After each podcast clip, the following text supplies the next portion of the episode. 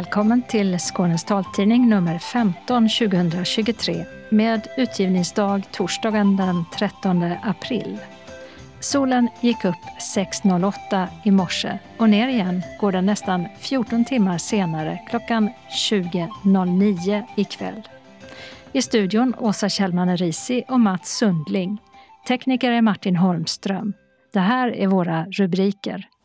Postnord vill ha betalt. Överklaga kravet på att leverera post till dörren till äldre och funktionshindrade.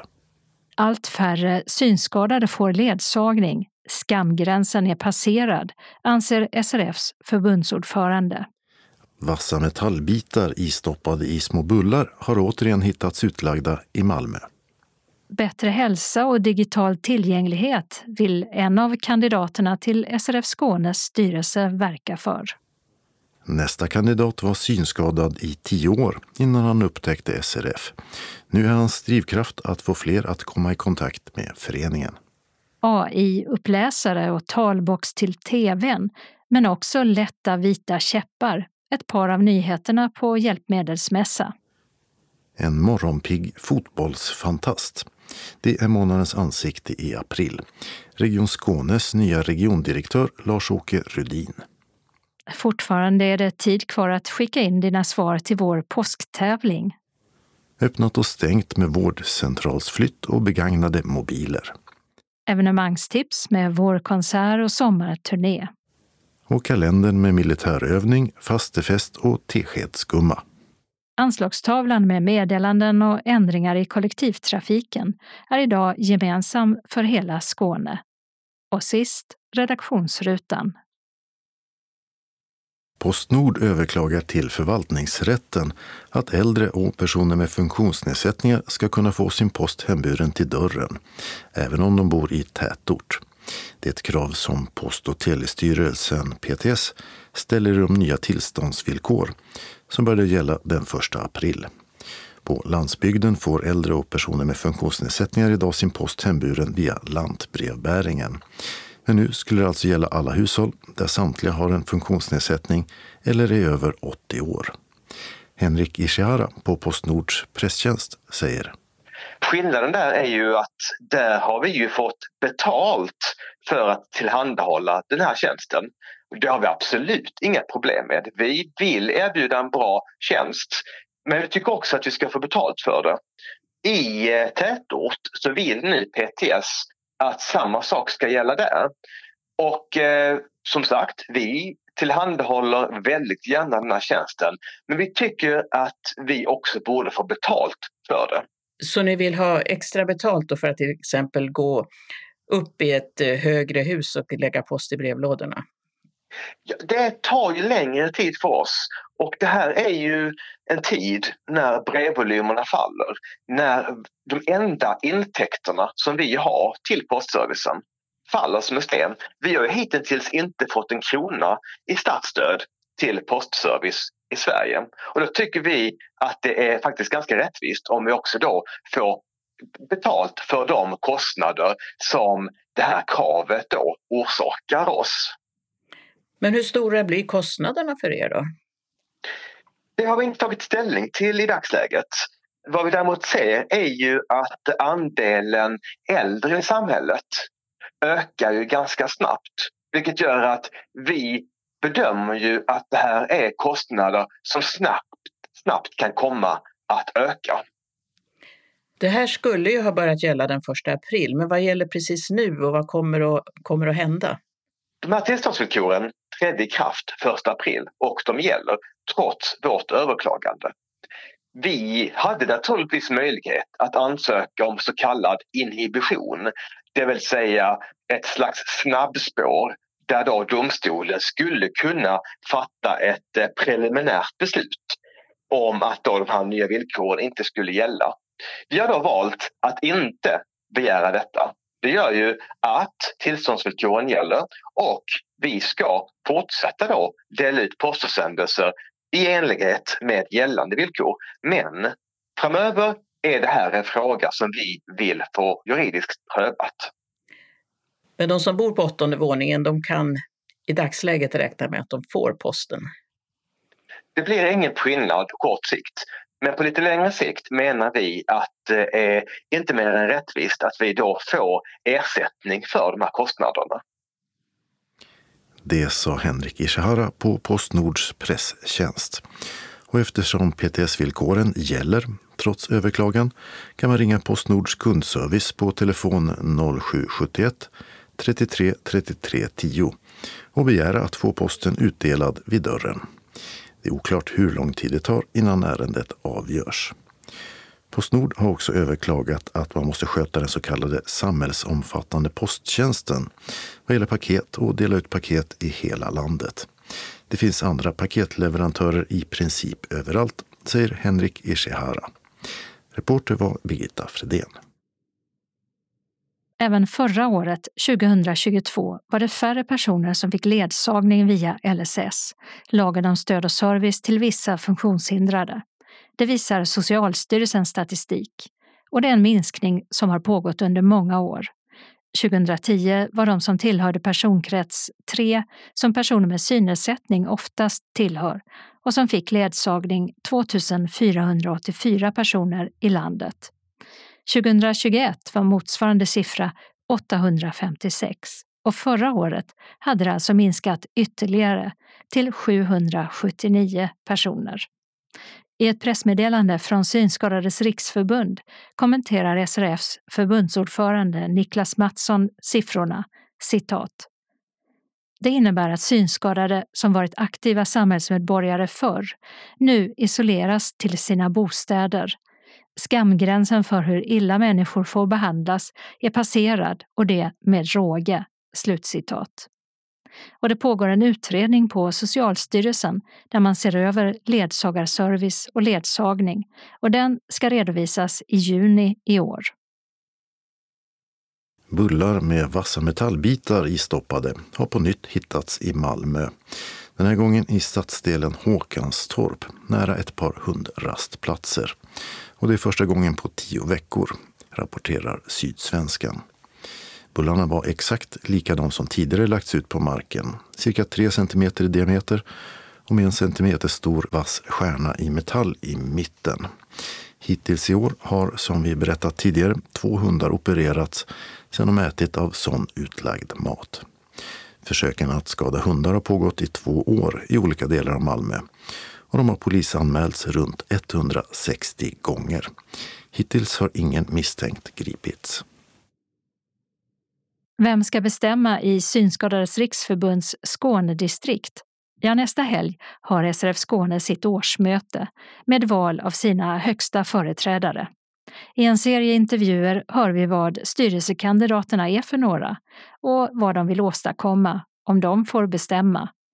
Turen har kommit till en... Jag heter Jonny Ekström och eh, jobbar som eh, programledare i radio och eh, reklamproducent Spelar golf när jag har möjlighet. Skriver lite böcker och noveller och sådär när jag också har tid. Och är gravt synskadad. Hur mycket eller lite ser du? Lite. Jag brukar säga att jag är blind men jag kan skönja eh, ljus från lampor och när solen lyser. Har det varit så länge? Nej, det är de senaste sju, åtta åren som det har varit så. Jag har RP så att det har blivit sämre och sämre. I två år nu har du suttit i styrelsen för SRF Skåne, din första mandatperiod. Och så har du fått frågan från valberedningen om du vill fortsätta. Mm. Och det vill du? Ja, jag tycker det är intressant att kunna påverka och eh, jobba vidare.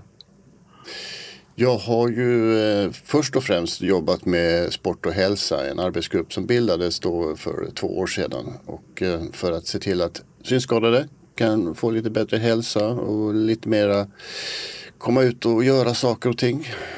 Vi vet ju det att eh, synskadade har en sämre hälsa än eh, genomsnittet svensken.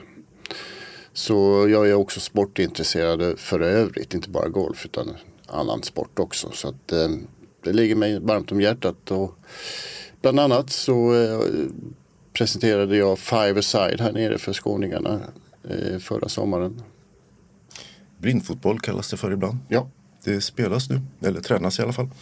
Ja, det är, på, det är på gång lite mera nu i Sverige och man försöker få ihop ett landslag så man kan, ska, kan vara med på eh, Paralympics och sådär. För där är ju sporten etablerad. Golf eh, finns det ett projekt nu med synskadade som spelar också. Mm. Det har du varit med och drivit.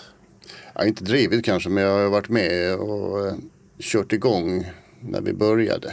Och eh, jag har ju spelat golf ända sedan 2003 ungefär. När jag var synsvag och kunde se bollen. Så då spelade jag rätt mycket golf på den tiden. Men eh, sen så blev synen sämre och då eh, la jag klubborna på hyllan. Och sen för ja, två år sedan så tänkte jag då att jag skulle prova igen. Fast nu med gravt synskada och inte kan se bollen överhuvudtaget. Lite större utmaningar då kanske? Mycket större utmaning. I den här intervjun inför valen för två år sedan så sa du att du brinner för att få in yngre medlemmar i SRF. Mm. Övergången från unga med synnedsättning till SRF blev inte så ofta av. Hur har det gått med det? Det går inte så jättebra. Eh, det är ju så att vi måste ju ha aktiviteter som passar de yngre och eh, även på tider som passar. Men eh, det är svårt att få med de yngre men det är någonting som hela, alla i, i synskadade i Sverige distrikt och så jobbar med att få in yngre i ja, yrkesverksam ålder. Men det är ju mycket familj och arbete och, och sådär som kommer i vägen. Så det är svårt. Sen är alla kanske inte lika beredda som förr på att engagera sig i föreningar har vi hört, bland yngre till exempel. Du gör ju det å andra sidan. Vad har du mer för styrelse eller föreningserfarenhet? Ja, jag har, sitter ju som ordförande här i sydöstra Skånes lokalförening också för synskadade här i Skåne. Och eh, har suttit med där, varit eh, ledamot i den styrelsen ett tag och har nu detta året blivit omvald till ordförande igen. Och det är inspirerande jobb och det är, man kommer lite närmare verk, verksamheten när man eh, jobbar på det viset här i lokalföreningen. Ja, vad är skillnaden? Ja, skillnaden är att du, du är mer aktiv i att aktivera eh, folk och eh, se till att du får en verksamhet och planera och sådär. Så det är lite mer så. För Skånes synskadade i allmänhet, vad ser du som de viktiga frågorna framöver? Eller viktigast? Det är många. Det är ju så att ehm, de eh, lagar och eh, rättigheter som vi har skapat förr i tiden de eh, naggas ju väldigt mycket i kanten och det är ju överallt. Och till exempel ledsagning, färdtjänsten, ja det gamla vanliga. Och eh, även då det här med digitalt utanförskap för äldre. Tycker jag också är, är jobbigt. Även om jag nu är tekniskt eh, intresserad och mycket kunnig in, inom både datorer och mobiltelefoner så, så hänger jag inte riktigt med på allting. Det är många hemsidor och appar som inte fungerar för mig. Men eh, jag kan ju tänka mig de som är äldre som inte eh, kan smarta telefoner till exempel. Och det här med betalningssystem, att många vill ju ta bort kontanter överhuvudtaget. Hur ska det då gå liksom? Och, så det är en intressant fråga. Och eh, ja, även ledsagning och färdtjänst naturligtvis. Ja, det har blivit eh, svårare att få helt enkelt. Både ledsagning och färdtjänst har vi hört. Ja, mycket svårt. Och det, det är ju alltså domstolarna som helt plötsligt har börjat eh, tolka lagarna åt kommuner och, och regioner så att eh, det blir sämre för oss. Så att det handlar ju inte om att eh, skapa nya rättigheter och, och se till att vi får det bättre utan det är snarare att eh, hålla emot motvinden. Vad bör då göras? Ja, det är påtryckningar helt, helt enkelt på politiker inom både kommun, region och, och riksdag. Och det är ju det vi jobbar med mycket. Jag sitter också med i färdtjänst och lokaltrafiksgruppen här i Skåne. Och eh, där är det ju färdtjänsten som är viktig där och även att lokaltrafiken ska vara mer tillgänglig till oss. Mm. Vi sitter inne i en eh, radiostudio här på Radioactive där du jobbar. Du hade inte så mycket tid kvar. Vad är det du ska göra härnäst? Jag ska in och eh, spela in lite eh, program. Ska jag göra för att eh, det är ju påsk snart här när vi spelar in detta. Och eh, långfredag och eh, måndagen är ju en annan dag påsk. Så att då får vi spela in programmet så att det blir programledare på de dagarna också fast det är röda dagar. Spela in lite i förväg då så att ni kan ta påsk. Så vi kan också vara lediga och äta lite ägg och, och sill. Nu kommer ju alla här att höra det i efterhand. Vad kommer programmen att handla om? Är det något hett ämne? Nej, det är väl lite underhållning. och Vi pratar ju naturligtvis om påskmat och sådär också. Och påskapynt. sa Jonny Ekström från Ystad, som alltså är en av dem som kandiderar till en plats i SRF Skånes styrelse. Reporter var Mats Sundling. Och en annan av kandidaterna till SRF Skånes styrelse är Torbjörn Sjörén som är viceordförande i SRF Kristianstad-Bromölla och valberedare både på distrikts och riksnivå. Han är 60 år och bor i Kristianstad. Jag har väl i stort sett bott i Kristianstad med omnejd hela mitt liv. Vi har rotat oss här och vi, vi trivs här. Du säger vi, vem är det mer än du? Det är jag och min fru Birgitta då och vi träffades när vi var 14-15 år gamla och hållit ihop sedan dess. Livet rullade på och efter förlovning och bröllop kom de två barnen. Sen flyttade familjen till en villa i utkanten av Kristianstad där Torbjörn Forén och hans fru fortfarande bor kvar. Och där han bjuder mig på kaffe och muffins i köket. Han fick ett jobb på en firma som hyr ut entrémattor. Först som distributör och sen som kundansvarig. Ett arbete som han trivdes bra med. Men så en dag, när han just fyllt 45, hände något som förändrade allt. Efter ett kraftigt migränanfall så blev jag medvetslös och min fru hon hittade mig hemma. Sen dagen efter så hade jag tappat synen och var halvsidesförlamad på grund av två blödningar på hjärnan. Kom det helt plötsligt? Ja, migränen den har jag ju brottats med hela mitt liv så att den har jag ju kunnat hålla i schack med hjälp av medicinering, tabletter och sprayer. Men eh, kommer du ihåg hur du upplevde det? Ja, alltså jag hade precis kommit hem från jobbet och började att laga lite mat och för Birgitta hon jobbar i butik men när klockan var halv sju så tänkte jag nej det här går inte så jag får väl gå och lägga mig och jag gick och la mig och har inget minne sedan dess. Från jag vaknade upp dagen efter på sjukhuset. När jag vaknade så var jag halvsidesförlamad och hade förlorat synen.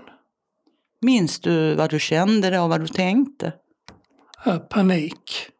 Från att ha varit helt frisk och kunna klara sig helt själv till att, som man tyckte just i det tillfället, hjälplös. Och efter ett tag så tyckte man att man förlorade sin identitet. Men det tog ju några år innan man liksom fick tillbaks något självförtroende och någon, någon gnista att gå vidare. Det var ju mycket hjälp utav familjen och speciellt då en väldigt duktig psykolog som hette Åke som jag gick till ja, stort sett en gång i veckan under två år. Alltså vi, vi hade ju många givande samtal men det, det, det, var väl en sak då som, ja det var ju efter ett bra tag, när han talade om för mig så sa han då Torbjörn du har två val. Antingen sitter du där hemma och som han sa då tycker du bara jävligt synd om dig själv. Eller försöker du så gott du kan och så är du nöjd med det. Och någonstans så lyckades jag väl fånga upp det där. Att det, det blev rätt väg för mig att gå och ställa mig upp och göra så gott jag kunde. Och sen har jag levt efter det hela tiden att gör vad du kan och så är du nöjd med det. Efter flera år av rehabilitering och sjukskrivning blev Torbjörn Sjörén till slut sjukpensionär och började sen långsamt återfå livsgnistan. Jag lyssnade ju på säkert 150-200 ljudböcker de första två, tre åren då så jag började komma tillbaka. Men sen mer och mer så hittade jag ju en gnista. Ja. Av en tillfällighet så tittade vi på tv på ett matprogram och de hade en tävling då. Där var en ung asiatisk tjej som var blind och hon vann hela den här tävlingen och det var ju inte vanlig husmanskost hon lagade. Och då hittade jag väl någon gnista igen då och tänkte kanon så kan väl jag.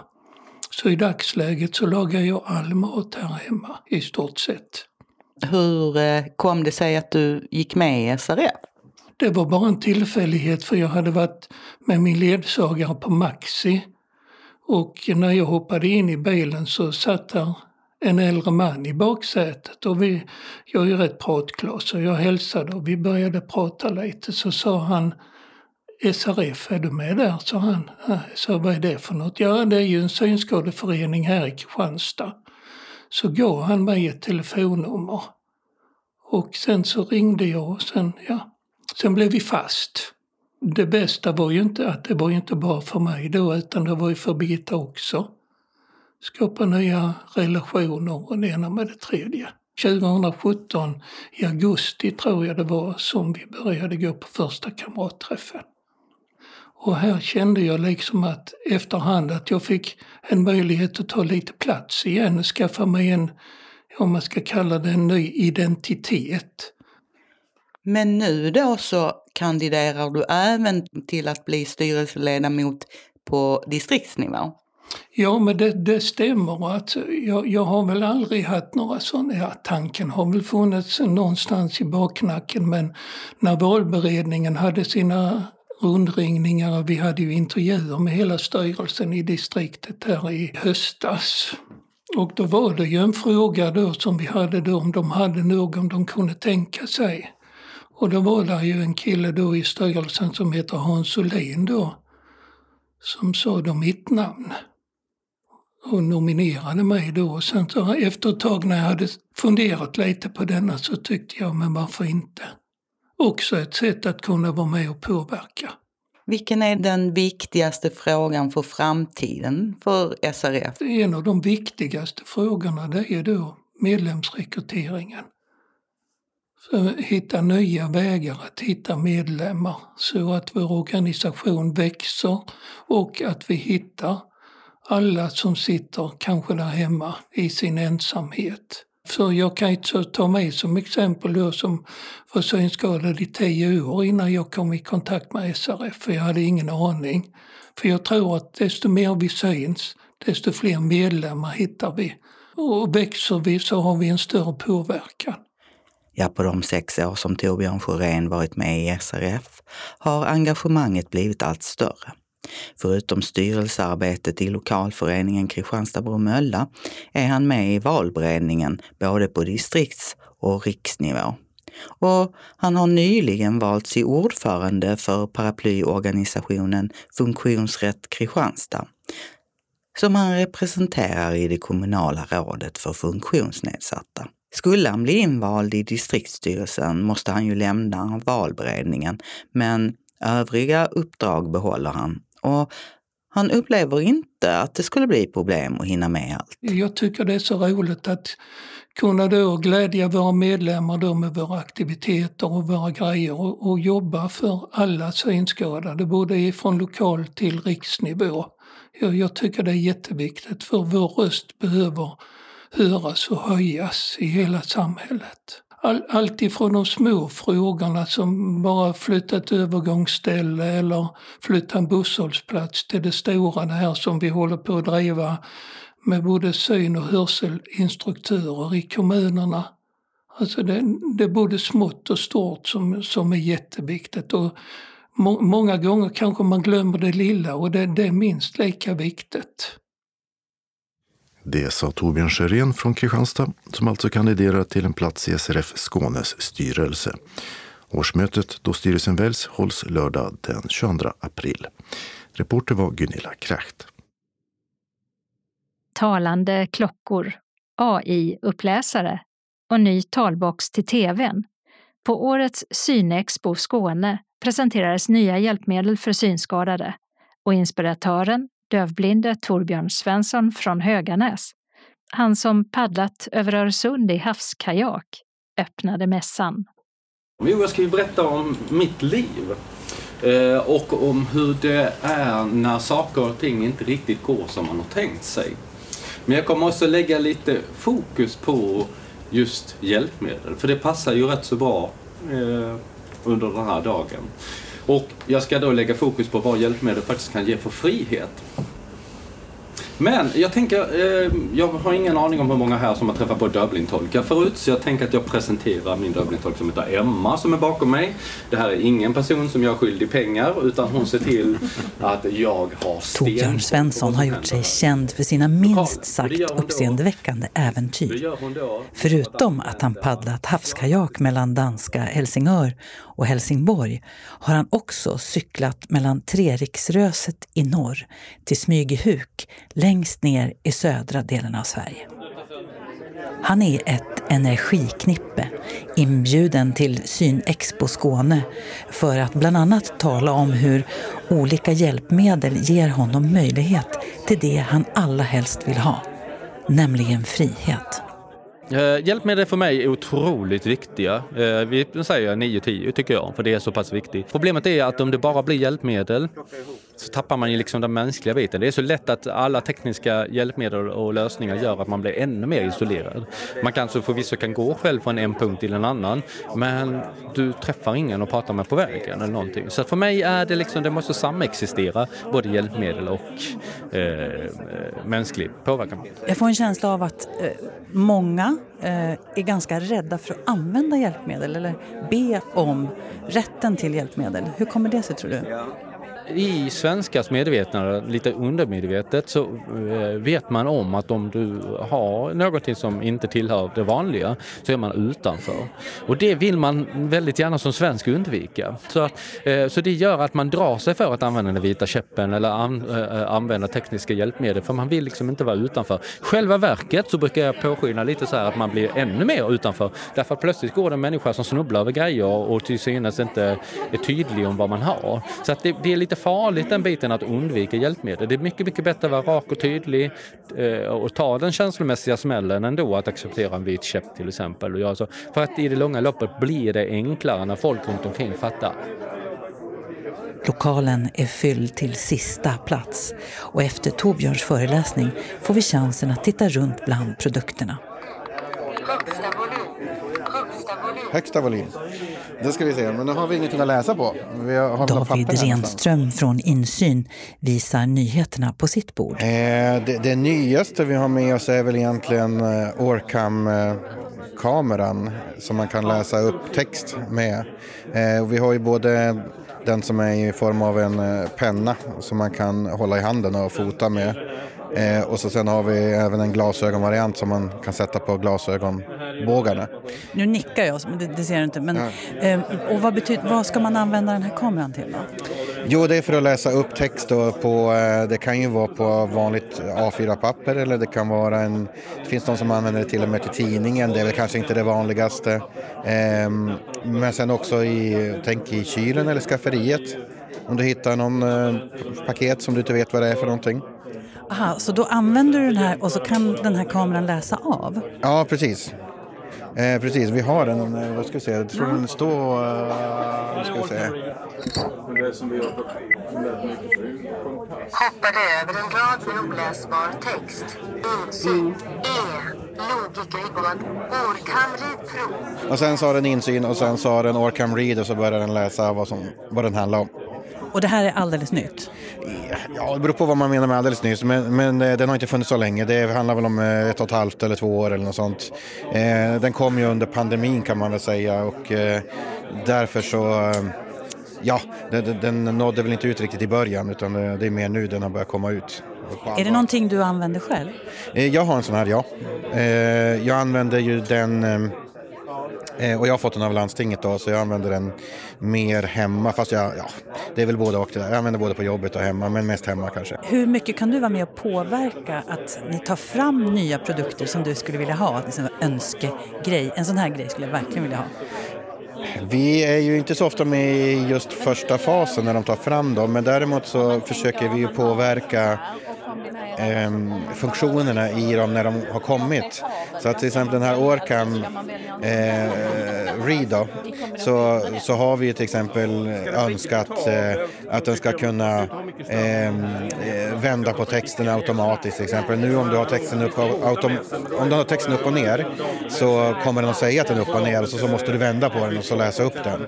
Eh, då får du trycka igen. Men vi, där har vi tyckt till exempel att det är bättre om den bara läser upp. Den kan ju säga texten upp och ner, det gör ju ingenting. Men sen tycker jag att den ska kunna vända på texten själv. Eh, för det kan ju andra program eh, i datorn till exempel.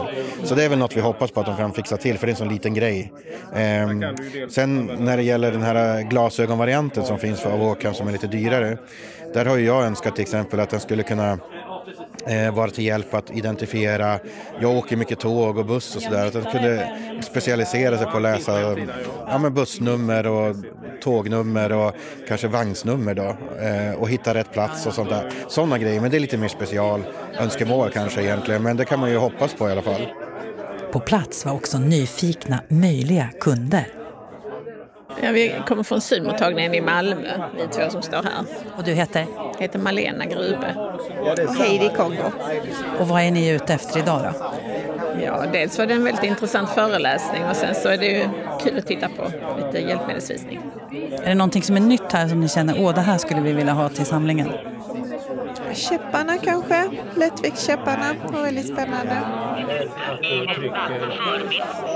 På bordet ligger klockor och pratar om man trycker på dem. Och Erik Tengvall visar också den nya talboxen för tv. Vi har en box som man kopplar till tvn mellan sin digitalbox och tv. Och när den är igång så kommer den att eh, prata och läsa upp textremsan som är på tvn. Alltså, så om jag tittar på en engelsk äh, film så ja. kommer texten? Precis. Och den behöver man inte bry sig om någonting mer när man väl har kopplat in den utan då byter man kanal som vanligt på tvn. Och så fort man byter kanal och det är en fransk film med svensk text så läser den texten. Så oavsett vad man tittar på för någonting så läser den textremsan. Så den lilla gubben som sitter där inne i lådan den vet vilket språk det är? Ja, oftast så klarar den av det. Han har lite problem med vissa, vissa saker i alla fall. Kursiv stil klarar han inte av än så länge men jag hoppas att de kan lösa den här biten också då. Erik Tengvall arbetar med hjälpmedel över hela landet och tycker att det finns mycket att göra när det gäller likvärdighet. Och han tycker att det är mycket olyckligt att orättvisorna är så stora när det gäller förskrivning av hjälpmedel. Att det är olika, det är ett stort problem eftersom det påverkar vart du bor. Så det är ju inte alls bra. Så bor du på fel sida gränsen så får du ingenting och flyttar du så kommer du få eller tvärtom. Då. Så, att, eh, så det ser väldigt olika ut. Jag jobbar i hela landet och jobbar mot alla 21 regioner vi har och jag ser en extremt stor skillnad vad som förskrivs och vad som inte förskrivs. Så att eh, man skulle väl önska att det var mer lika för eh, alla, men så är det väl inom sjukvård överhuvudtaget. Det är väldigt stor skillnad vart man bor någonstans. Ja, men så, så, så, är det, tyvärr. tyvärr. Så att, eh, och det här är väl viktigt att eh, eh Synskadades riksförbund blir starkare, ombudsmännen, att man då kan driva den här. För det är svårt för oss som eh, leverantörer, eftersom vi har ett vinstintresse så att säga, va? Så, så, så är det bättre att vi kanske stöttar och hjälper till istället och försöker få att det blir mer likvärdigt över landet. Då. Sist Erik Tengvall, Iris Hjälpmedel. Reporter var Agneta Nordin.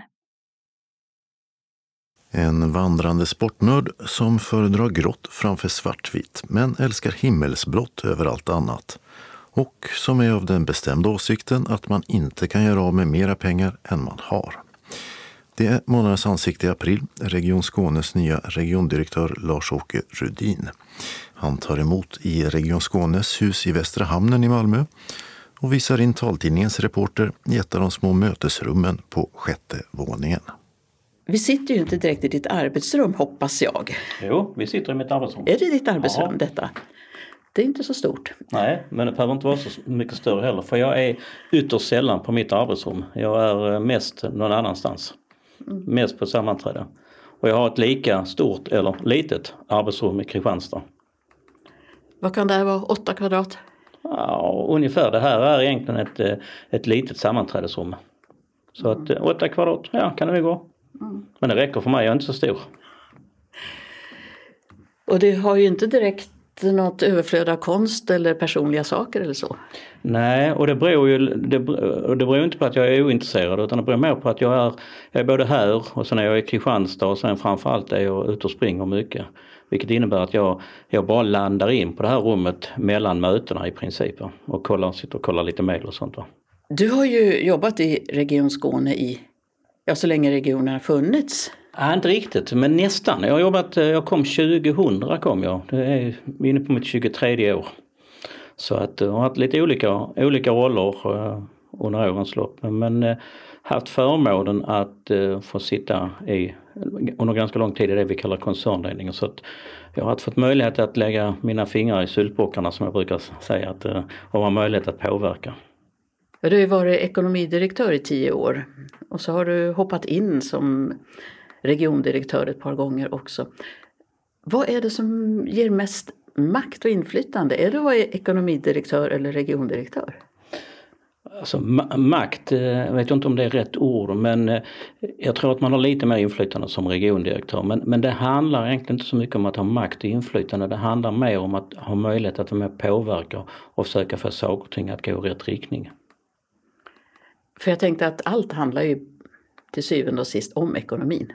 Ja det gör det ju men ekonomi är egentligen bara medlet. Va? Och jag tror egentligen om, eh, jag har ju tre, tre saker som jag nu driver och som tänker driva som regiondirektör. Det ena handlar om tillgänglighet. Vi måste bli mycket, mycket, mycket bättre på tillgänglighet. Vi är inte bra. Det är den ena frågan, och vi kan prata mer om den sen. Den andra frågan handlar om kompetensförsörjning. Vi måste få eh, medarbetare att i större utsträckning vilja stanna kvar och vi måste kunna rekrytera medarbetare. Vi kan inte hålla på att bedriva verksamhet med inköpt personal. Och får vi ordning på de två sakerna så kommer vi få ordning på ekonomin.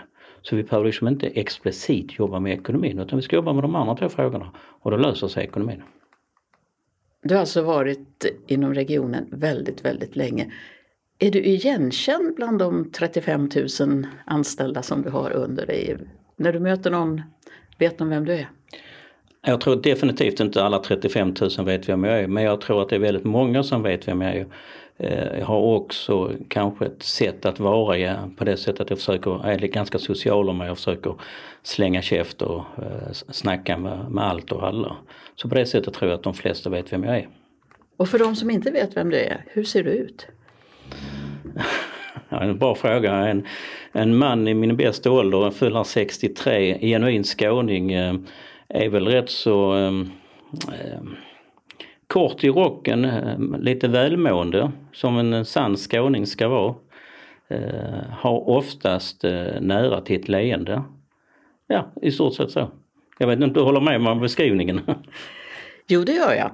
Och jag har bildgooglat och sett att det skägget du har, det har följt dig genom åren. Ja, det har funnits där sedan tidigt 80-tal. Och det, jag tror faktiskt inte det har varit av sedan dess heller riktigt. Fast det har bytt färg lite? Ja, det har ju blivit eh, lite mer charmerande grått nu ja. Ögonfärg då? Blå tror jag de är. Det är ytterst sällan jag tittar mig i spegeln för jag blir så nervös. Nej, skämt åsido, nej men de är väl blå. Precis som eh, jag har en annan nyans på blått som jag är väldigt förtjust i, nämligen himmelsblått. Jag är en extrem sportnörd och älskar MFF eh, när det gäller fotboll. Men det är inte någon MFF-nål på kavajen utan det är Region Skåne? Ja, det har jag. Men däremot så när jag fyllde jämnt här för några år sedan så fick jag faktiskt som mina kollegor en eh, matchtröja från MFF med, med mitt namn på ryggen och med siffran 60. Och när har du den? Den har jag faktiskt, om jag ska vara ärlig, aldrig använt på det sättet. Däremot hänger den, den hänger i min bokhylla när jag sitter hemma och jobbar och eh, ibland när vi kör Teamsmöte då så väljer jag att inte ha med någon bakgrund och då ser man ju skrivbordet och, eller bokhyllan och då ser man ju också min MFF-tröja och alltid retar det någon. Kavaja, har du det jämt eller är det en jobbuniform eller? Jag har, eh, det är mest en jobbuniform. Jag, eh, I normalfallet så försöker jag så fort jag sätter mig ner så lägger jag kavajen också så jag brukar sitta i, i, i skjortan. Va? Eh, helgerna ibland men eh, gärna lite, lite ledigare klädsel. Har du alltid varit intresserad av ekonomi? Ja, det, det, tror jag har varit eh, faktiskt. Inte så att jag eh, tänkte på att jag skulle bli ekonom när, när jag var mindre men jag har eh, vuxit upp i centrala Malmö och eh, min, mina föräldrar, far han var brödkörare, min mor eh, var hemma under min uppväxt. Hon satt och renoverade pälsar.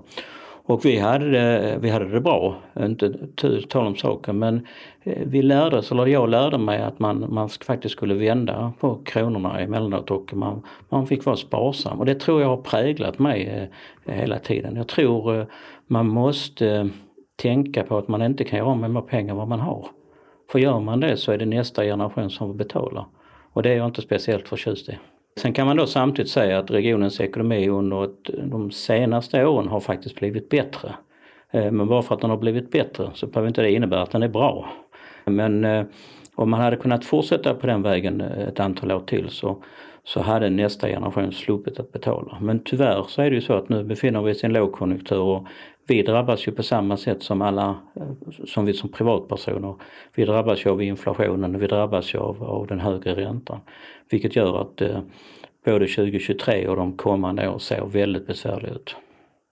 Som ekonom, är du en sån som kan procenträkning i huvudet? Eh, eller är du en sån som slår in 3 gånger 7 på räknaren? Eller?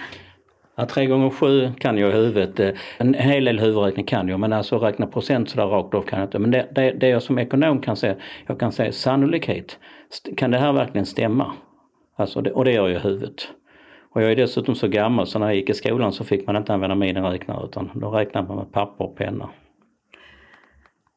Du sa att ekonomin var en av de frågor du tänker driva och du pratade också om tillgängligheten.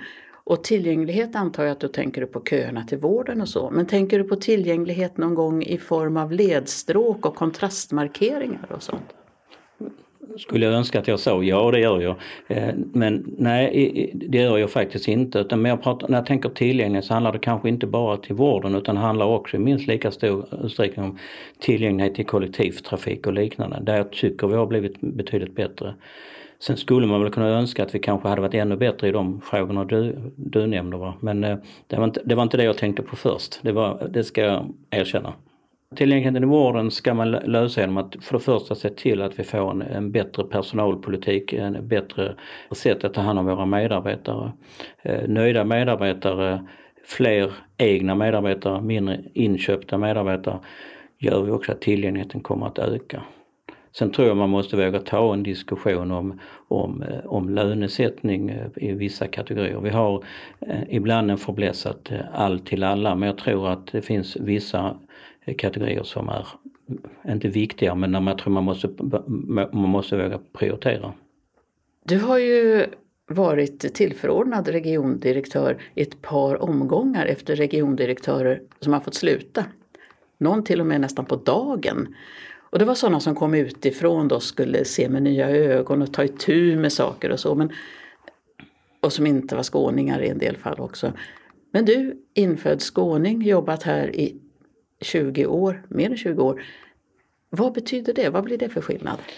Nu vill jag inte gärna recensera mina företrädare men den skillnaden blev väl med, alltså eftersom jag har varit i firman eller i regionen så länge så har jag kanske ett annat perspektiv till, till saker och ting. Annars tror jag inte det blir så stor skillnad egentligen. Eh, sen är vi olika som personer, eh, vi har olika mått av ledarskap och vi vill driva, driva frågorna på olika sätt. Eh, jag tror att jag som, som skåning då, Malmöbo, i sig i förskingringen, för jag bor inte i Malmö längre, så är jag rätt så stabil och ganska trygg. Sen tror jag det är en, en fördel för, för politiken. De vet precis vad de fick. Trygg och stabil, sa Carl Johan Sonesson mm. när du fick jobbet. Ja men det stämmer. Alltså jag är eh, jag, som person är jag oerhört lugn och trygg och det ska rätt mycket till innan jag jagar upp mig och blir nervös. Sen är jag stabil, ja det är jag ju på två sätt. Både i mitt, i mitt sinne men kanske också viktmässigt lite väl stabil ibland kan man tycka. Va? Nej men jag tror, jag, tror det, jag tror det är en god egenskap och eh, jag tror också att eh, jag kommer inte lösa det här problemet. Däremot tror jag att vi kan lösa problemet. Jag tror det är lite skillnad. Jag tror att jag tror man i större utsträckning ska använda ordet vi och lite mindre utsträckning ordet jag.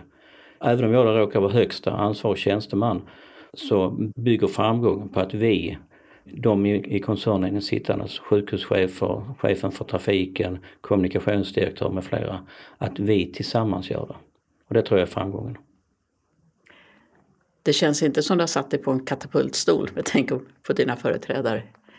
Nej, jag inte, nu var vi det här med lugn och stabil. Va? Jag är inte speciellt orolig. Skulle det vara så att eh, politiken inte tycker att det funkar så får jag väl gå hem.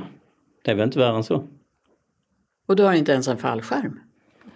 Nej, men med min, eh, med min relativt höga ålder och min höga lön så tycker inte jag att jag behöver ha någon fallskärm. Fortfarande tillbaka till det här med lugn och stabil. Hög lön, ja du tjänar ju betydligt mer än vad en undersköterska gör till exempel. Kanske hon får jobba ett halvår för att komma upp i din månadslön. Men betyder det att du inte känner av inflationen? Eller? Jag känner ju av inflationen lika mycket som en undersköterska men, men jag, med, med min lön har jag naturligtvis helt andra marginaler att hantera det. Du behöver inte gå och leta röda priser på Lidl? Eh, nej, men det gör min hustru ändå för hon är av småländsk ursprung. Och man ska inte betala mer än nödvändigt för saker och ting. Din hustru, hon jobbar också i Region Skåne? Precis, hon är, eh, hon är läkare eller hon är till och med eh, disputerad anestesiolog. Så vi har ett antal eh, diskussioner på kvällskvisten eller på helgen om hur saker och ting ska vara. Men jag tror faktiskt att i de flesta frågor är vi rätt så överens. Träffades ni på jobbet? Nej, nej det gjorde vi inte. Vi träffades långt innan dess. Vi träffades eh, när vi var unga, riktigt unga, på, faktiskt under vår gymnasietid. När du inte sitter i ditt lilla rum här eller ute och träffar en massa medarbetare, vad gör du då? Då försöker jag ägna mig lite fritid. Eh, vi har förmånen att vi bor i, i, i en stor gammal prästgård utanför Kävlinge med en stor tomt. Den ska skötas. Det gör hustrun och jag med välbehag. Det är fantastiskt avkopplande. Sen trivs med att när vi har semestrar så försöker vi inte ligga, vi åker aldrig på en solsemester, det har aldrig legat för oss. Utan vi vill göra någonting på semestern. Så vi, just nu är vi i en period där vi älskar att vandra. Det kan vara i Sverige men det kan också vara i Europa. Vandra mellan hotellen eller var man nu bor. Slippa bära så mycket packning för den åker mellan boendena. Det är ett väldigt trevligt koncept. Kort sagt, vi vill göra någonting, vi vill inte sitta stilla. Så det gör vi. Jag tänkte fråga natur eller kultur. Var svaret natur då? Ja, mest natur men även kultur. Gå gärna på en konsert eller, eller teater också. Jag lyssnar jättemycket på musik. Jag eh, har gärna Spotify i öronen framförallt eh, första timmen på jobbet innan någon annan har kommit hit. Jag är nämligen extremt morgonpigg. Och då är jag ganska förtjust i akustisk musik, typ lite visa och liknande. Kommer du ihåg din senaste konsert snedstreck teaterföreställning? Absolut. Vi var och lyssnade på Anna Ternerheim här för, nu går tiden fort, men låt mig gissa att det var tre veckor sedan ungefär på Malmö Live. En fantastisk eh, konsert. Du sa att du är extremt morgontidig. Vad är extremt? Jag stiger upp någon gång efter fem och eh, det är inte helt ovanligt att jag rullar in i Malmö vid kvart över sex, halv sju. Och den timmen där innan alla de som har normala morgontider vaknar och kommer till jobbet, den är helt underbar. Då hinner jag förbereda mig, läsa igenom det som jag borde ha läst igenom. Går du hem då motsvarande tidigt eller? Jag hade önskat att jag kunde säga ja, självklart. Nej, det gör jag ju inte men eh, den här typen av jobb är ju, är ju faktiskt ett liv också. Så jag har ju, jag har ju helt oreglerad arbetstid och eh, står ju faktiskt till polit politikens förfogande i princip dygnet runt, alltid. För det är också något som skiljer dig från dina företrädare, att de bodde någon annanstans och åkte iväg från Skåne över helgerna, men du, du är ju alltid här. Ja, men jag tror inte det hade så stor betydelse för eh, det går att ringa även om man, om man inte bor i Skåne. Så jag, jag tror de var lika hårt ansatta som jag var på helger och, och eh, kvällar. Är du det alltså?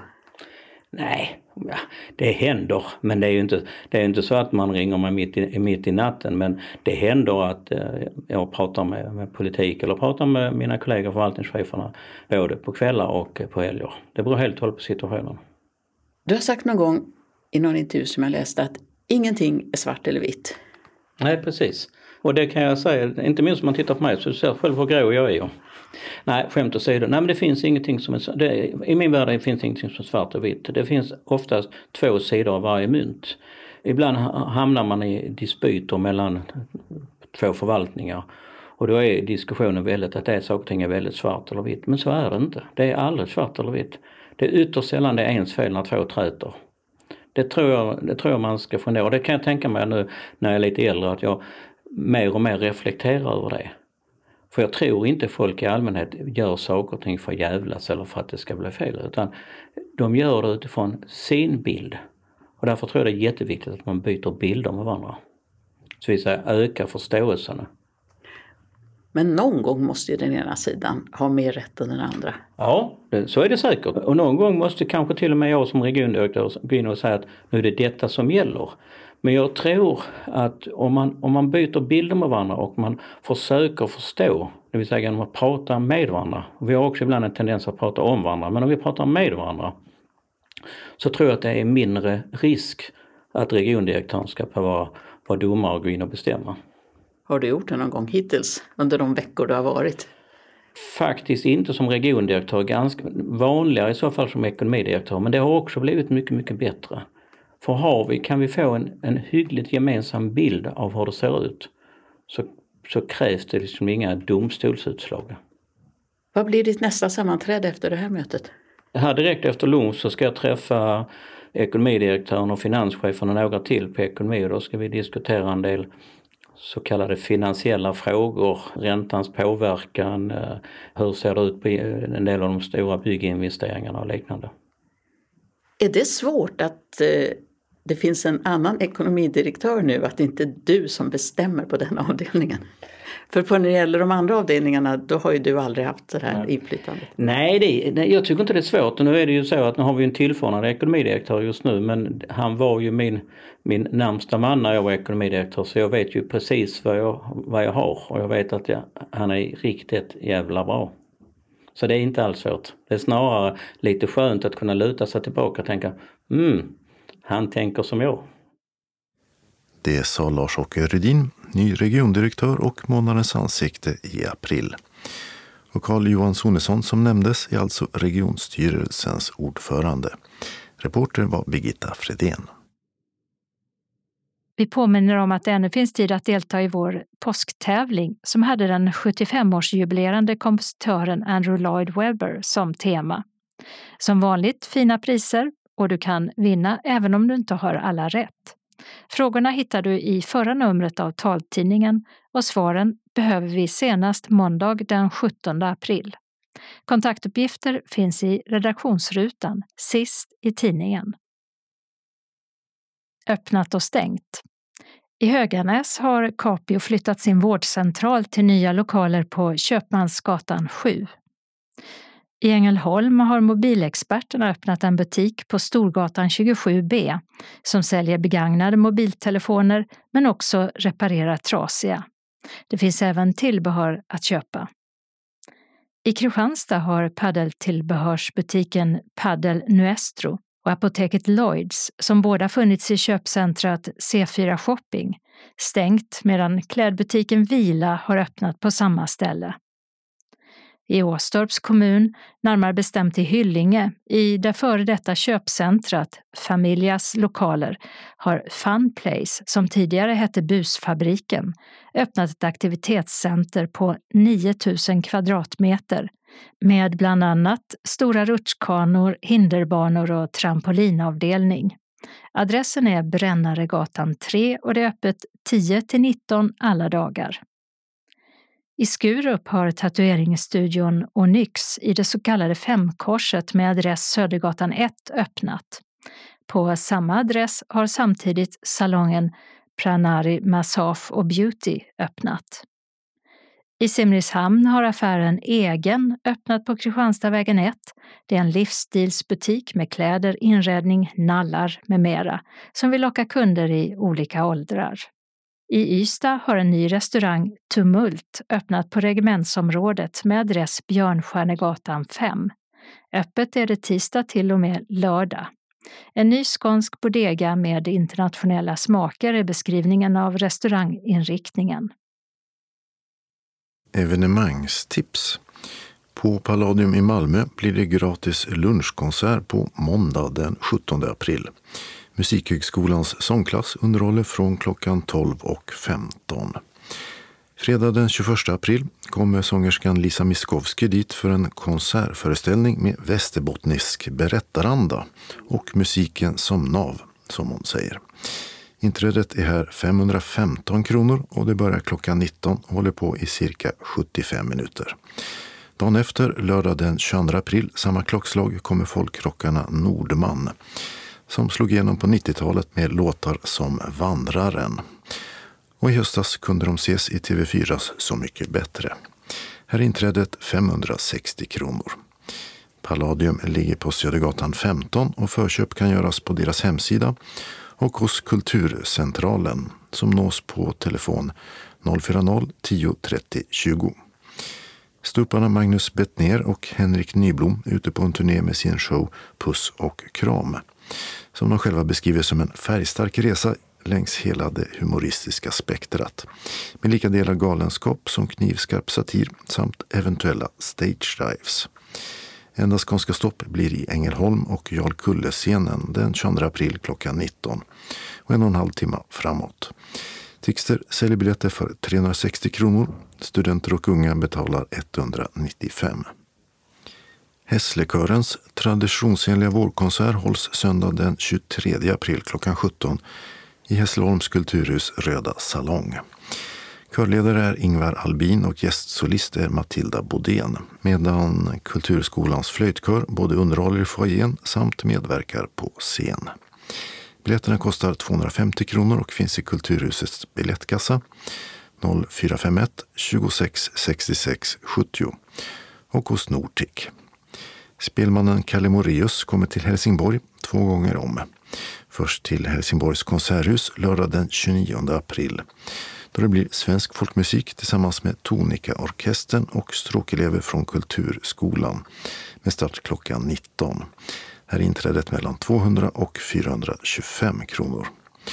Och sen till Dunkers kulturhus torsdag den 11 maj, samma tid och då med bandet Blues Inferno som han har tillsammans med gitarristen Pelle Holmberg. Dunkers säljer biljetter till bägge och Dunkers nås på 042 10 74 00. Och Ticketmaster till den senare och här kostar det 425 kronor. Moreus och Blues Inferno gästar också Biljardkompaniet i Kristianstad tisdag den 9 maj klockan 20. Hit kan förköp göras hos Tixter eller direktenombud och hos Coop City i Kristianstad. Och de sistnämnda nås på telefonen 010-747 22 72. Vårkonsert blir också i Sionkyrkan i Hörby. Söndag den 7 maj klockan 15. Då spelar Hörby Big Band tillsammans med trumpetaren Magnus Johansson. Känd från Diggiloo och i juletid. Inträdet är 250 kronor och gratis för de under 15. Biljetter säljs av Sandals modehus och överblivna i dörren. Modehuset nås på 0415 139 01. Lite längre fram så ger sig sångaren Benjamin Ingrosso ut på en stor sommarturné som heter Allt det vackra sommarturné. Och biljetterna har släppts. Det blir ett stopp i Skåne på Bayside Festival i Helsingborg den 14 juli. Och Live Nation säljer biljetterna. Och ännu längre fram i höst åker Thomas Ledin och dirigenten Peter Nordahl ut på turné för att framföra Ledins sånger tillsammans med symfoniorkestrar. Den 9 och 10 november klockan 19 spelar de på Malmö Live tillsammans med Malmö symfoniorkester. Biljetter finns att köpa via Malmö Live och de kostar från 495 till 795 kronor. Och Malmö Live nås på telefon 040 34 35 00. Ticketmaster och Ticknet 077 170 70 70. Nortic 0455 61 97 00. Tixter 0771 47 70 70 och Live Nation hittar man bara via hemsidan livenation.se. Kalendern för vecka 16 börjar med måndag den 17 april då anmälningstiden går ut för alla som vill plugga på högskola och universitet i höst. Finansminister Elisabeth Svantesson överlämnar regeringens ekonomiska vårproposition till riksdagen. Och efter det blir det debatt mellan riksdagspartiernas ekonomiska talespersoner. Och så kommer kriget till Sverige. I alla fall är det scenariot i Aurora 23, den största övning försvaret hållit på många år. Över 26 000 soldater från 14 länder och alla vapenslag är involverade, liksom civilförsvaret. För första gången sedan kalla krigets slut ska armén öva med så stora förband som brigader, cirka 5 000 man. Stora delar av övningen hålls i Skåne. Och den 24 april kommer Sveriges Radios P4-kanaler gå ut med ett mobiliseringsmeddelande. Eh, Övningen lär komma att både höras och synas i trafiken. I USA går startskottet för Boston Marathon, ett av de största och äldsta. Den första upplagan sprangs redan 1897. 2013, alltså för tio år sedan, utsattes loppet för ett terrordåd som dödade tre åskådare och skadade långt fler. Medan brottnings-EM börjar i kroatiska Zagreb. Och så är det Elias och Elis namnsdag. Tisdag den 18 april är det namnsdag för Valdemar och Volmar. Onsdag den 19 april firar vi Olaus och Ola. I riksdagen blir det debatt om jämställdhet och diskriminering i arbetslivet innan man tar beslut om arbetsmarknadsutskottets betänkande i frågan. Ganska lite nämns om vad som bör göras mot diskriminering på grund av funktionsnedsättning. Och det lär inte bli något av motioner om till exempel att restauranger och butiker bör upplysas tydligare om att släppa in ledarhundsförare så att de inte blir utestängda. 80 år har gått sedan judarna i Warszawas getto startade ett desperat uppror mot de tyska ockupanterna och de sista deportationerna från gettot. Upproret pågick i en knapp månad innan det brutalt slogs ner och överlevarna fördes till förintelseläger. Torsdag den 20 april har alla Amalia och Amelie namnsdag. 65 år fyller en av tidernas bästa hockeyspelare, ryssen Vjatjeslav Fetisov. Han var lagkapten för det sovjetiska landslaget under dess sista storhetstid. Sen blev han proffs i den nordamerikanska ligan NHL och i början av millenniet var han också Rysslands idrottsminister. 90 år fyller Teskedsgumman det vill säga skådespelaren och komedianen Birgitta Andersson som gjorde den rollen i barnprogram från 60-talet. Hon gjorde flera filmer med Hasse och Tage, seriöst tv-drama, liksom Doris i Jönssonliga-filmerna. Med mycket mera en karriär som sträckte sig över ett halvsekel. För den fick hon för några år sedan en hedersbagge på filmbranschens Guldbaggegala. Fredag 21 april har Anneli och Annika namnsdag. Vid solnedgången tar den muslimska fastemånaden Ramadan slut, vilket förstås firas med mat och dryck och högtiden Eid al-Fitr, en av de viktigaste under året och som varar i minst ett dygn och som firas även av de som inte är särskilt religiösa. 65 år har den amerikanska skådespelaren Andy McDowell hunnit bli. Kanske mest känd är hon från filmerna Sex lögner och videoband samt Fyra bröllop och en begravning. Och så fyller Banane 75 år. Det vill säga Klasse Möllberg, mest känd kanske från just den rollen som sidekick till Lasse Åberg i barn-tv-programmen Trasan och Banane. Och som sångare i deras Electric Banana Band som gjort flera bästsäljande plattor. Lördag 22 april är det Allans och Glens namnsdag. Finalerna i världens bästa innebandyligor, det vill säga de svenska, spelas i Stockholm. Först avgörs damernas superliga och sen herrarnas i en enda match som i bandyn. Och så är det Earth Day, eller jordens dag. Dagen instiftades 1970 av en amerikansk senator för att vi ska uppmärksamma de stora miljöproblem som finns i världen. Söndag 23 april går startskottet för London Marathon, ett annat av de klassiska maratonloppen. Pia Kramling är den enda kvinnan i Skandinavien som fått titeln stormästare i schack. Hon har vunnit det mesta som går att vinna förutom VM. Redan som 15-åring fick hon representera Sverige i schack-OS och spelar på elitnivå. Det gör hon fortfarande. Nu fyller Kramling 60 år. Namnsdag, det har Georg och Göran. Och det är förstås Sankt Göran som åsyftas. Grekiske Jorgos ska enligt historien på 200-talet varit östromersk soldat. Han räddade en stad samt en jungfru från en människoätande drake. Och som tack blev han halshuggen och bränd på bål just denna dag. I länder som England, Bulgarien, Portugal och såklart Georgien är han nationalhelgon. Den regionala anslagstavlan börjar med ett meddelande från Synskadades riksförbund Skåne. Prova på golf. Våren är nu här och vi vill passa på att bjuda in till att prova på att spela golf. Söndagen den 7 maj klockan 11 till 13. Vi träffas på Trelleborgs golfklubb där vi får känna på och förhoppningsvis få känslan av att vilja lära mer. Vi kommer att försöka ha en heldag för er som är intresserade i höst. Instruktör Måns Lundberg kommer hålla i träningen. Klubbor finns på plats. Och vi avslutar med lite fika med smörgås. Beräknad hemfärd 13.30 till 14. Aktiviteten är kostnadsfri. Anmälan ska vara SRF Skåne tillhanda tidigast 17 april, senast den 28 april.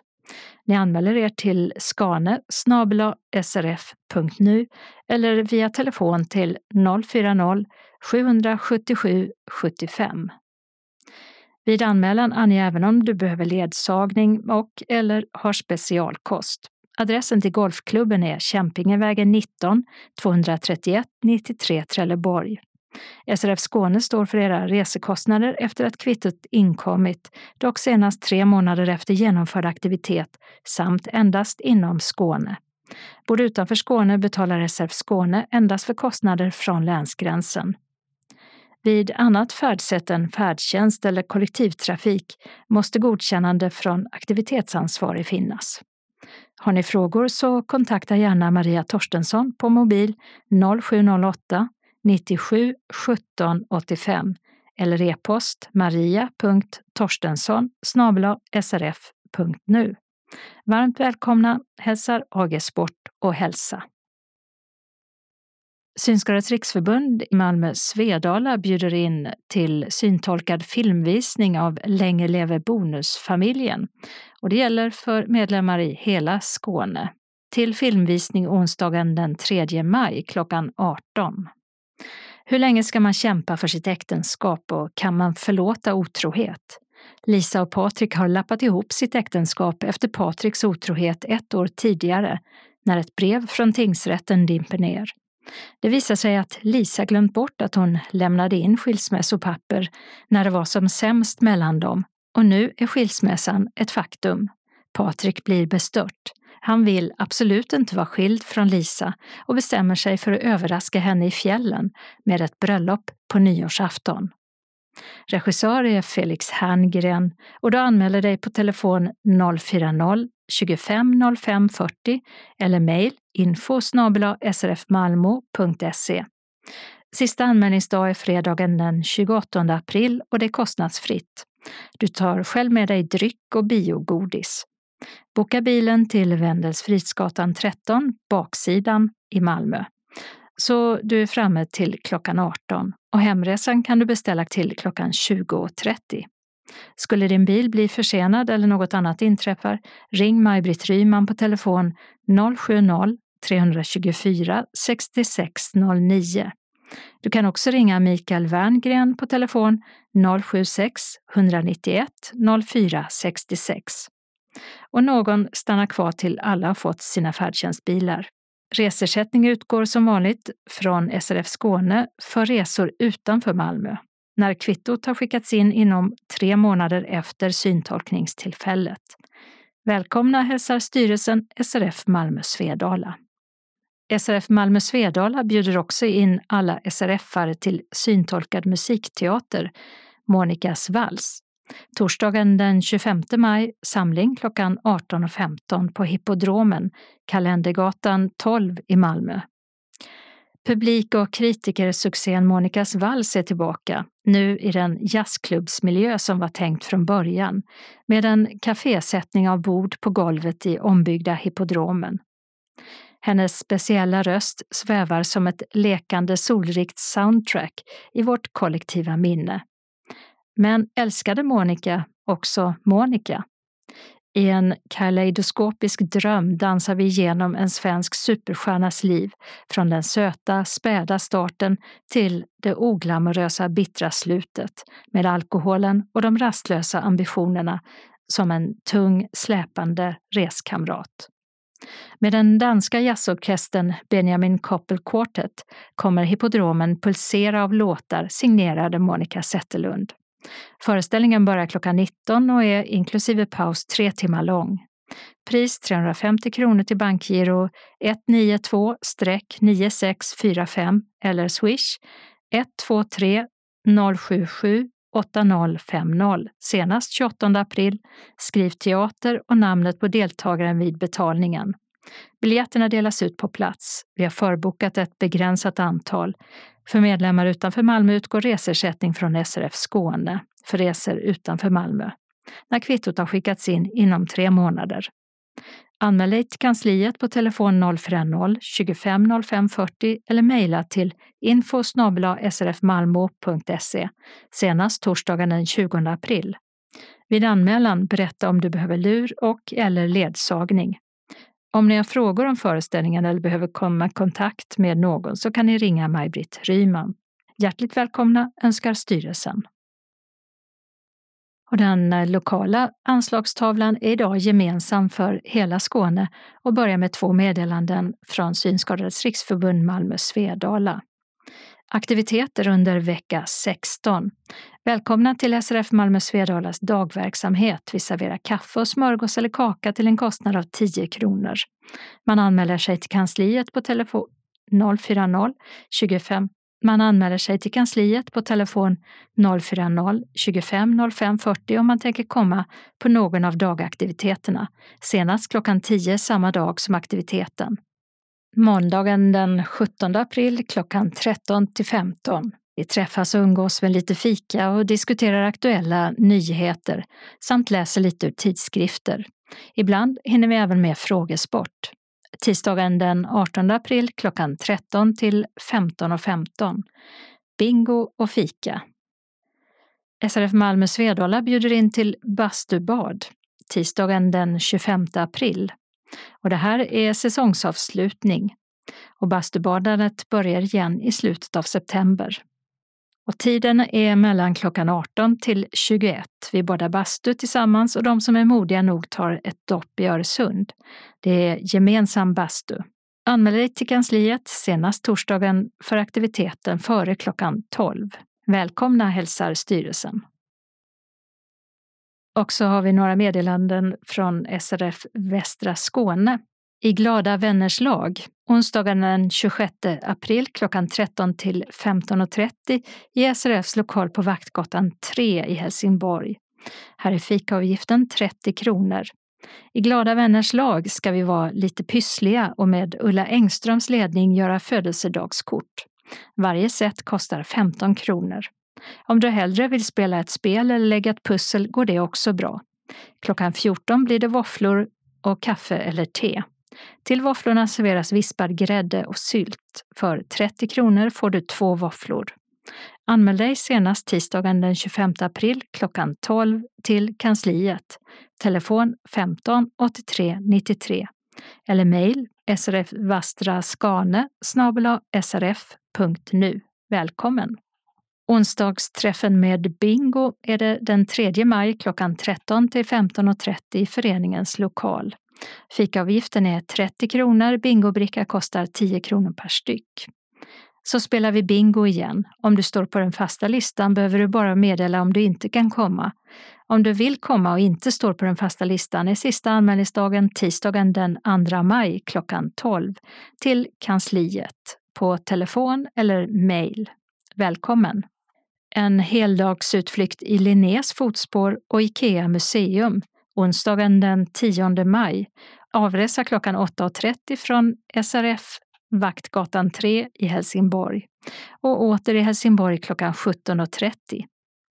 Deltagaravgift 200 kronor. Är man inte medlem kostar det 400 kronor. Sista anmälningsdag är fredagen den 28 april klockan 12 till kansliet på telefon 042 15 83 93. Program vi reser till Linneas Råshult i Älmhult. Resan tar en och en halv timme. När vi kommer fram klockan tio blir det fika med smörgås, kaffe eller te. Därefter blir det en promenad med guidning på området. Klockan 12.30 reser vi till IKEA museum för att avnjuta deras kända köttbullar med potatis, brunsås och ärtor. Till dryck, lingondricka eller vatten. Efter maten blir det kaffe för de som önskar det. Klockan 14 blir det 15 minuters information. Därefter får vi själva gå omkring i museet och besöka den lilla shoppen. Klockan 16 far vi åter till Helsingborg och ska vara tillbaka klockan 17.30. Välkommen med på vårutflykten. Vi har några ändringar i kollektivtrafiken och först till Helsingborg där ett ombyggnadsarbete på Furutorpsgatan påverkar resenärer på linje 3, 7 och 8 fram till den 31 december. Hållplatser som berörs är hållplats Furutorpsplatsen, läge A, som dras in för de tre linjerna. Resenärerna hänvisas till tillfällig hållplats Gustav Adolfs torg, läge A, cirka 300 meter i nordvästlig riktning på Södergatan. Hållplats Furutorpsplatsen läge B dras också in för linje 3, 7 och 8. Resenärer hänvisas till hållplats Gustav Adolfs torg läge B, 500 meter i nordvästlig riktning på Karl Kroks gata. Medan hållplats Traktörgatan läge A dras in för linje 3. Resenärer hänvisas till hållplats Närlunda N läge A, cirka 630 meter söderut på Närlundavägen. Även Traktörsgatan, läge B, dras in för linje 3. Hänvisning till hållplats Närlunda N, läge B. I Lund arbetas med en ombyggnation av hållplats Stadsbiblioteket läge B på Sankt Petri kyrkogata som stängs vilket påverkar busslinje 2, 3, 4, 5, 6 och 7 fram till den 28 april. Resenärer med linje 2, 4 och 5 hänvisas till tillfällig hållplats Lund C, läge L, cirka 170 meter i nordvästlig riktning på Clemenstorget. Resenärer med linje 3, 6 och 7 hänvisas till hållplats Lund C, läge K, cirka 240 meter i nordvästlig riktning på Barngatan. I Lund på Spolegatan påbörjas ett arbete med att förlänga hållplats Kung Oscars väg läge A den 17 april klockan 7. Hållplatsen är sedan stängd fram till den 19 maj och resenärer med linje 3, 6 och 7 hänvisas till tillfällig hållplats cirka 80 meter framåt i bussens färdriktning på Spolegatan. Och det var allt för Skånes taltidning för den här gången. Nästa gång vi kommer ut, då är det torsdagen den 20 april. Skånes taltidning ges ut av Region Skånes psykiatri och habiliteringsförvaltning. Ansvarig utgivare är Martin Holmström.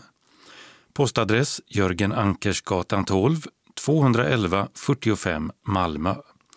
Telefon 040-673 09 70. E-post Skanes taltidning snabela skane.se och hemsida skanestaltidning.se. Observera att CD-skivorna inte ska skickas tillbaka till oss. Såväl skivor som kuvert kan läggas i brännbara sopor när ni inte längre vill ha dem. Vi hörs igen. Hej då!